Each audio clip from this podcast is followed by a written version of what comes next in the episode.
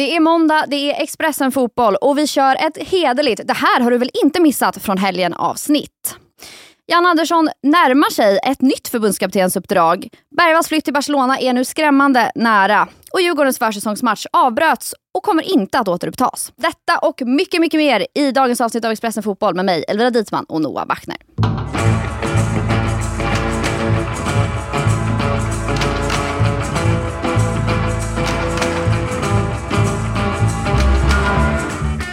Noah, Ja, Janne på väg till Lettland, kanske? Kanske. Men förmodligen inte tror jag. Eh, även om det verkar så att de vill ha honom. Det är möjligt att, de då, att det kommer ut att de vill ha honom. Det var ju framförallt Anne Lavdic hos oss som skrev om Mm. det här. Och, och, och eh, även lettiska medier har skrivit om det. Tror jag. Att han är ett av namnen bland många utländska kandidater som de tittar på. Eller ett antal i alla fall.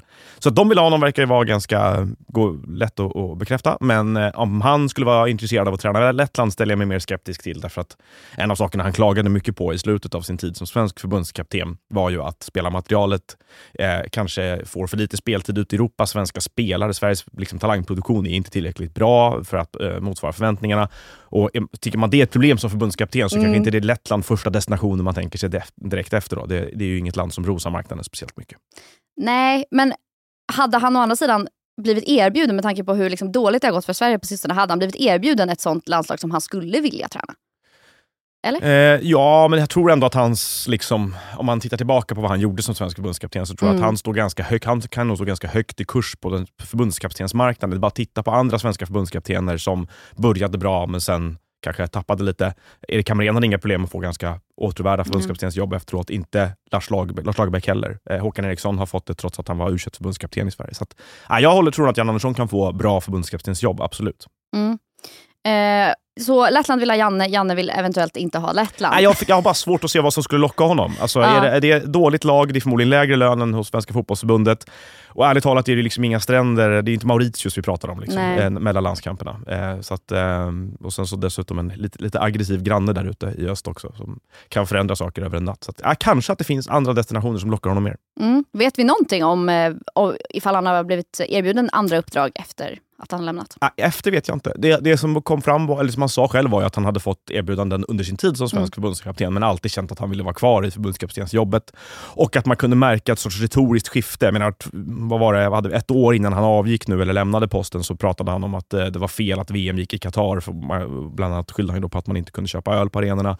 Ett år senare sa han att han inte kunde stänga dörren för att ta jobb i de här länderna själv. Så att han har väl liksom sett att det finns en bra payday nere i Mellanöstern också, som han Mm. kanske inte skulle ducka för nu. Nej, vi hoppar raskt vidare. Eh, återstår att se helt enkelt. Jag, jag trodde dock ändå att Sverige skulle ha en ny förbundskapten innan Janne Andersson skulle hoppa på ett nytt. Eh. Jag med. Det skulle kanske vara någon sorts... Ja, det, det kanske man kan ha rätt att förvänta sig till och med. Mm. Eh, Xavi lämnar Barcelona efter säsongen. Mm. Kändes lite pyspunka efter att Jürgen Klopp liksom chockade hela världen eh, med sitt besked. Och så kommer Xavi Hernandez och säger lite samma sak. Ja, det är klart det gör. Och det är, och, men det är ju svårt för Xavi att konkurrera med Klopp som har gjort liksom, nio år i Liverpool och varit eh, fantastiskt bra där.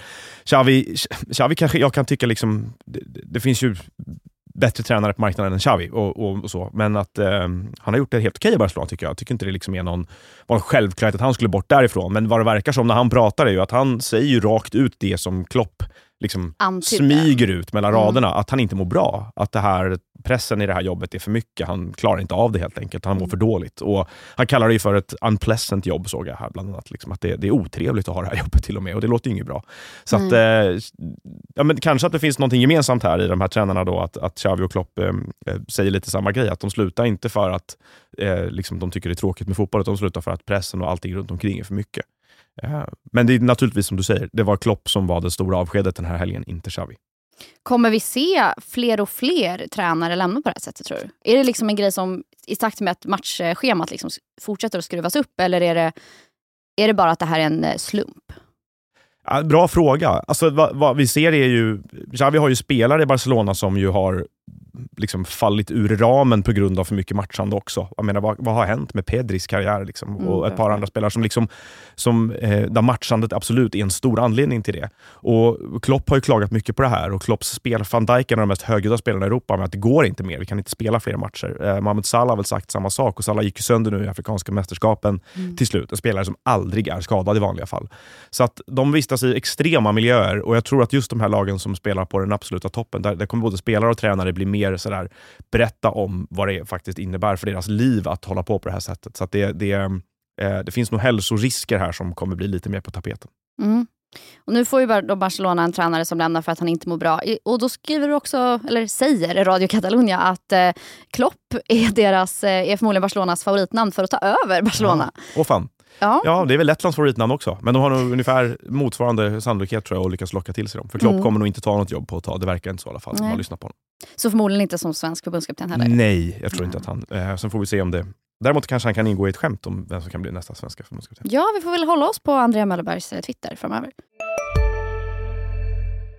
Välkommen till Coolbet där spänningen aldrig tar slut och underhållningen står i centrum. Här får du inte bara Sveriges bästa fotbollsodds. Du får också en spelupplevelse som är rättvis, transparent och framförallt rolig. För oss handlar det om mer än bara spel. Det handlar om att ta en paus, att våga chansa och att kanske vinna stort. Det oväntade gör varje ögonblick unikt. För dig över 18 år, stödlinjen.se.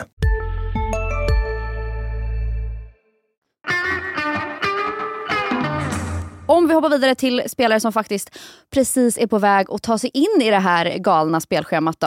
Eh, Bergvall är väldigt, väldigt nära Barcelona-flytt nu. Han fyller ju 18 på fredag nästa Mm. vecka. Så vi tror väl inte, eller nej, nu på fredag till och med. Ja, nu på fredag. Nu på fredag. Eh, så vi tror väl kanske inte att det kommer vara klart. Men vad, vad vet vi om den här övergången?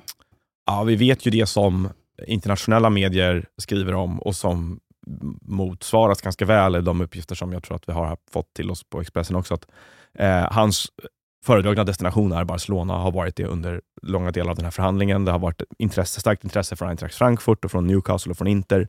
Men att Barcelona har varit dit han vill allra helst.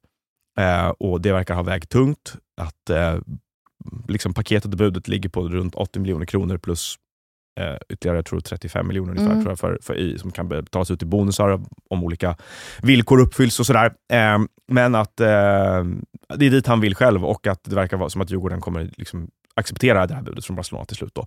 Sen ska vi säga att det här, ja, födelsedagen så, det har ju varit en grej att Djurgården hade ju en förhoppning från början om att Bergvall skulle vara där och sen så skriva på ett längre avtal när han fyllde 18. Det Mm. har ju blivit ganska tydligt med tanke på intresset under vintern här, att så kommer det inte bli. Eh, så att den här 18-årsdagen har varit liksom en sorts milstolpe i den här sag, transfersagan får man säga. För det är vad hans karriär är hittills, en transfersaga. Mm. När du tänker Barcelona, eh, nu ju, har ju du betydligt bättre koll än vad jag har. Men om man ser till liksom Hugo Larsson, Eintracht Frankfurt, eh, Alexander Isak i Dortmund. Mm. Kan det inte vara bättre att gå till en lite mindre upp, liksom stor klubb för att få mer speltid? För att, liksom, varför gå till Barcelona och kanske bli en typ av Martin Ödegaard Real Madrid eh, liksom, saga? Ehm, ja, alltså, skälet är ju, Ödegaard är ett bra exempel på att det behöver inte vara dåligt, även om man inte får spela. Nej. Ödegaard fick ju väldigt bra träning i Real Madrid. Han fick så småningom ett lån till Real Sociedad och exploderade där. Mm. Eh, och han är nu lagkapten i Arsenal, en av Europas bästa mittfältare. Så att, Så det är ändå jag, jag tycker liksom, inte att det, Nej, men utlåningen och, jag menar, Isak är en av, är, är, ärligt talat en av Europas bästa forwards i sin Mm. åldersgrupp också. Så att, att gå till de här klubbarna i den här åldern, vi tänker ju att det är bättre att få A-lagsmatchning och speltid, Mm. och det kan det vara. Men, men hamnar du i träningsmiljö som är Barcelonas så tror jag att den skolningen man får där kan vara minst lika värdefull på lång sikt för hans eh, karriär. Sen om man tänker att han ska in i landslaget så fort som möjligt och bli en Mm. tillgång för svensk landslagsfotboll, då är det ju bättre med en Hugo Larsson-flytt, för, för att då, då visar du att du kan prestera på en av Europas bästa ligor på en gång. Men jag ser ju inte flyttarna till de här bästa klubbarna i världens liksom, träningsmiljöer, de tränarna han får, de faciliteterna han får, de medspelarna han får spela med, Mm. som, som något dåligt för hans utveckling. Absolut inte. Men då kanske vi kommer få vänta lite med att se honom. Inte, vi kommer inte, kanske inte få se honom göra en Hugo Larsson-debut i Det- kommande säsong. liksom. Nej, ja, precis. Det är ju eh, svindlande konkurrens i Mm. Barcelonas mittfält och 17-åringar från Sverige har en bit dit ofta. får man säga. Eh, en annan svensk spelare som är på väg, eller en allsvensk spelare som är på väg eh, bort är Modo Sonko Mm. till Gent. Mm. För en ännu högre transfersumma än vad Bergvall kommer gå för. Ja, i alla fall den initiala Mm. pengen verkar ju vara lite högre.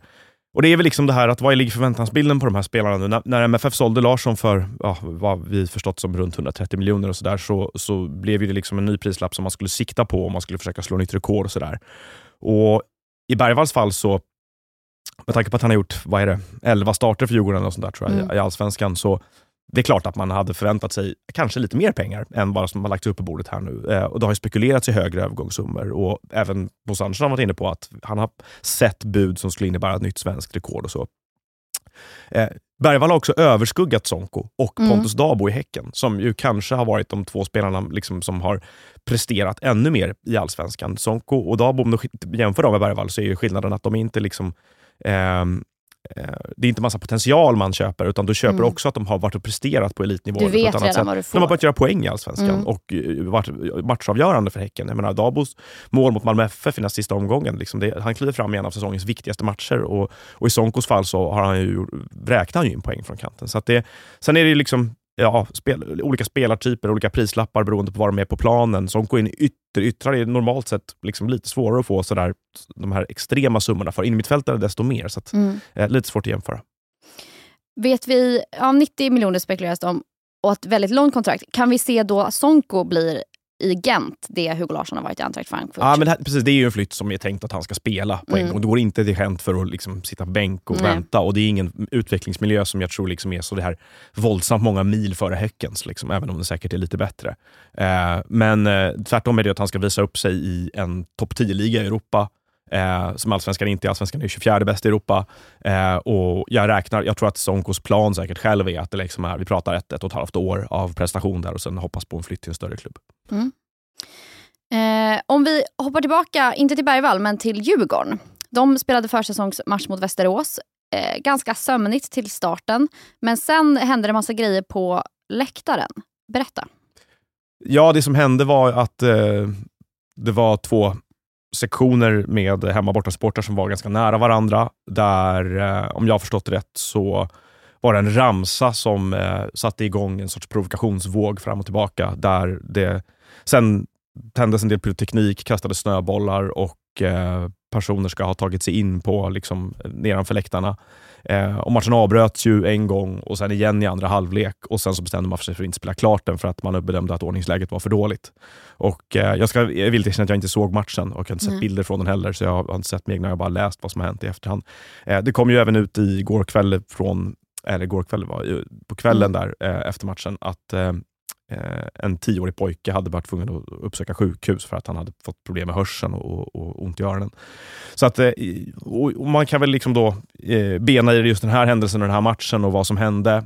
Eh, jag tror att vi ser, både här och med tanke på den konflikt som uppstod i samband med Malmö FFs premiärträning till exempel. Jag tror vi ser eh, de första tecknen på att det kan bli en ganska orolig start på allsvenskan i år och att alla olika aktörer här, supportermiljön och, och, och, fotbollen och polisen och allihopa, de ska nog stålsätta sig för att det kommer bli spänningar på en gång. För att de här oroligheterna som vi hade i slutet på förra året, de, de följer med in i år naturligtvis. Mm. Det känns som att eh, vi kommer behöva, eller vi kommer behöva, men vi kommer ju att eh, få lov att återgå och faktiskt göra en, en lite större ja, men, neddykning i det här läktar, liksom hur läktarkulturen kommer se ut framöver. Mm. Men vad var dina initiala känslor när du såg den här liksom, ja, men nyhetsflashen och texten om att så här, inte ens mellan Djurgården och Västerås kunde mm. det liksom hålla sig från bengaler och snöbollskrig. Nej, men jag, jag, jag, är inte så förvånad. Alltså, jag tror att man ska, vi, vi har en bild ibland av att eh, liksom, den här typen av ordningsstörningar är, är helt isolerade bara till Stockholmsderbyn eller till mm. storstadsklubbarna och så vidare. Så är det inte riktigt. Och eh, Jag tror att man måste göra skillnad på det här. Det här är liksom inte det här, det här är någon sorts subkultur nu inom kulturen där de här, de här grejerna har uppstått och de finns nog lite över hela landet tror jag. Eh, om man lyssnar på företrädare för klubbar i Halmstad och i eh, Mjällby, och i Kalmar och i Värnamo eller whatever, så ser man tendenser bland framförallt väldigt unga personer att de är lite inspirerade av det här. Lite mer stökiga, mer maskerade, mer där för pyrotekniken och för att liksom mäta sig på något sätt. Och, och, I de miljöerna så kommer det här uppstå tror jag, mellan olika klubbar. Jag tror inte vi tror att vi kan Alltså så att, och att det är en träningsmatch, ja det kanske bara är ett skäl till att man... Liksom, mindre säkerhet å andra sidan. Mindre säkerhet, lägre sportsliga konsekvenser om matcherna bryts och sådär. Mm. Så att, eh, men, eh, men jag tror att, att fortsätter så här under försäsongen och framförallt när kuppen börjar ganska snart, så kommer vi se ännu större liksom, markeringar från olika håll. Hej, Synoptik här. Hos oss får du hjälp med att ta hand om din ögonhälsa. Med vår synundersökning kan vi upptäcka både synförändringar och tecken på vanliga ögonsjukdomar. Boka tid på synoptik.se. Hej, Ulf Kristersson här. På många sätt är det en mörk tid vi lever i. Men nu tar vi ett stort steg för att göra Sverige till en tryggare och säkrare plats. Sverige är nu medlem i Nato. En för alla, alla för en.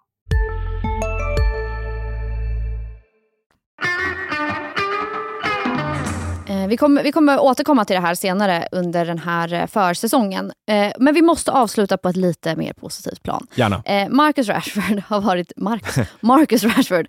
Han har varit ute och krökat. Ja, Ja, med sin lagkapte- lagkamrat, eller gamla lagkamrat från Manchester Uniteds ungdomsakademi Mm. i nordirländska Larny, tror jag de heter nu, Mm. eh, laget. Mm. Där var han. det, ja, och vad fick det för... Trevligt kan man tycka. Ehm, mindre trevligt tyckte nog Erik Ten Hag. Ja. Eh, vad, vad, det här är inte första gången vi ser Rashford eh, utagera på det här Nej. sättet. Eh, han gjorde det ju efter en 3-0-förlust mot Manchester City här, om det var förra hösten Mm. också. Eh, Mm. Vad, vad, jag frågade dig innan, vad var din tanke när du såg Djurgården-Västerås? Vad var din tanke när du såg eh, Rashfords, eh, att han stängde, missade träningen eh, på grund av sjukdom, men då eh, bara någon dag efter att han varit ute och supit till? Ja, eh, att det är väl två grejer man tänker. Mm. Det ena är stackars Erik Ten Hag, att det liksom är, problemen bara staplas på varandra hela tiden. Att de har, de har inte så lätt. Det här var alltid. inte det United Det här- behövde. Nej, de har, de har mycket att stå i hela tiden känns det som. Och Sen kan jag inte låta bli att tycka att det också finns någonting, liksom att det är lite skönt med spelare som faller ur ramen. Mm. Alltså att, det, att, det liksom är, att, att spelarna är människor också. Eh, att, för det är väldigt sällsynt just nu känns det som att såna här saker händer. Men Mm. att, eh, eh, jag har ju liksom, jag tycker kanske man, det finns någon lite överdriven moralism kring det här ibland också. Att, ja, hur kunde han åka och, och liksom dricka GTs i Belfast? Hur kunde John Guidetti äta chips? Ja, ja, och alltså det är på en blir ännu liksom värre nivå ja. kanske. Eh, men, Men det är liksom så, så, den typen av kommentering vi ser. ja, liksom, ja, jo, det är en oerhörd upprördhet över att det inte är renlevnad. Liksom. Mm. Eh, men eh, eh, ja, det, nej, nej, jag vet inte. Och sen är Rashford en komplex person. Alltså, Mm. ena, ena, vissa, ena året så är han liksom, startar han olika läscirklar och bokklubbar för alla barn Ja, och samlar in pengar adlad. till barn som inte kan äta och, och gör 250 mål. Och sen året Mm. efter så är han liksom på, på någon sorts rampage i Belfast och struntar i träningarna eh, och åker privatjet till eh, dit. Och till, han åkte, tog sin egen jet till New York nyligen också. Och liksom, lever något helt annat liv. Så att, eh, Mm. nej, fascinerande person. Verkligen. Mm. Det känns som en sån här person som, om man får önska att sitta ner och göra en intervju. Det så här, visst, Erling Haaland pratas det ju mycket om. Han är ju spännande för att han är så... Liksom, Han är ju spännande för att han gör mål och har pyjamas på sig på dagarna. Det här är någonting annat. det här är någonting annat. Det här är, kanske, är det kanske den sista de, av den, Den typen sista av utposten för Det är bok nummer två. Den sista utposten med Marcus Rashford. Bachner, bara Ja. om Marcus Rashford. Ja, men, eh, nej, men det finns någonting med honom som är värt att inte bara liksom förfäras över. Tycker jag. Eh, vi är tillbaka med ett avsnitt av Expressen Fotboll redan imorgon. Tack för att ni har kollat och vi ser fram emot den där boken då. Rashford-boken, ja. Mm. den kommer. Jag, börjar, jag går iväg och börjar skriva nu på en gång. Mycket bra. Mm.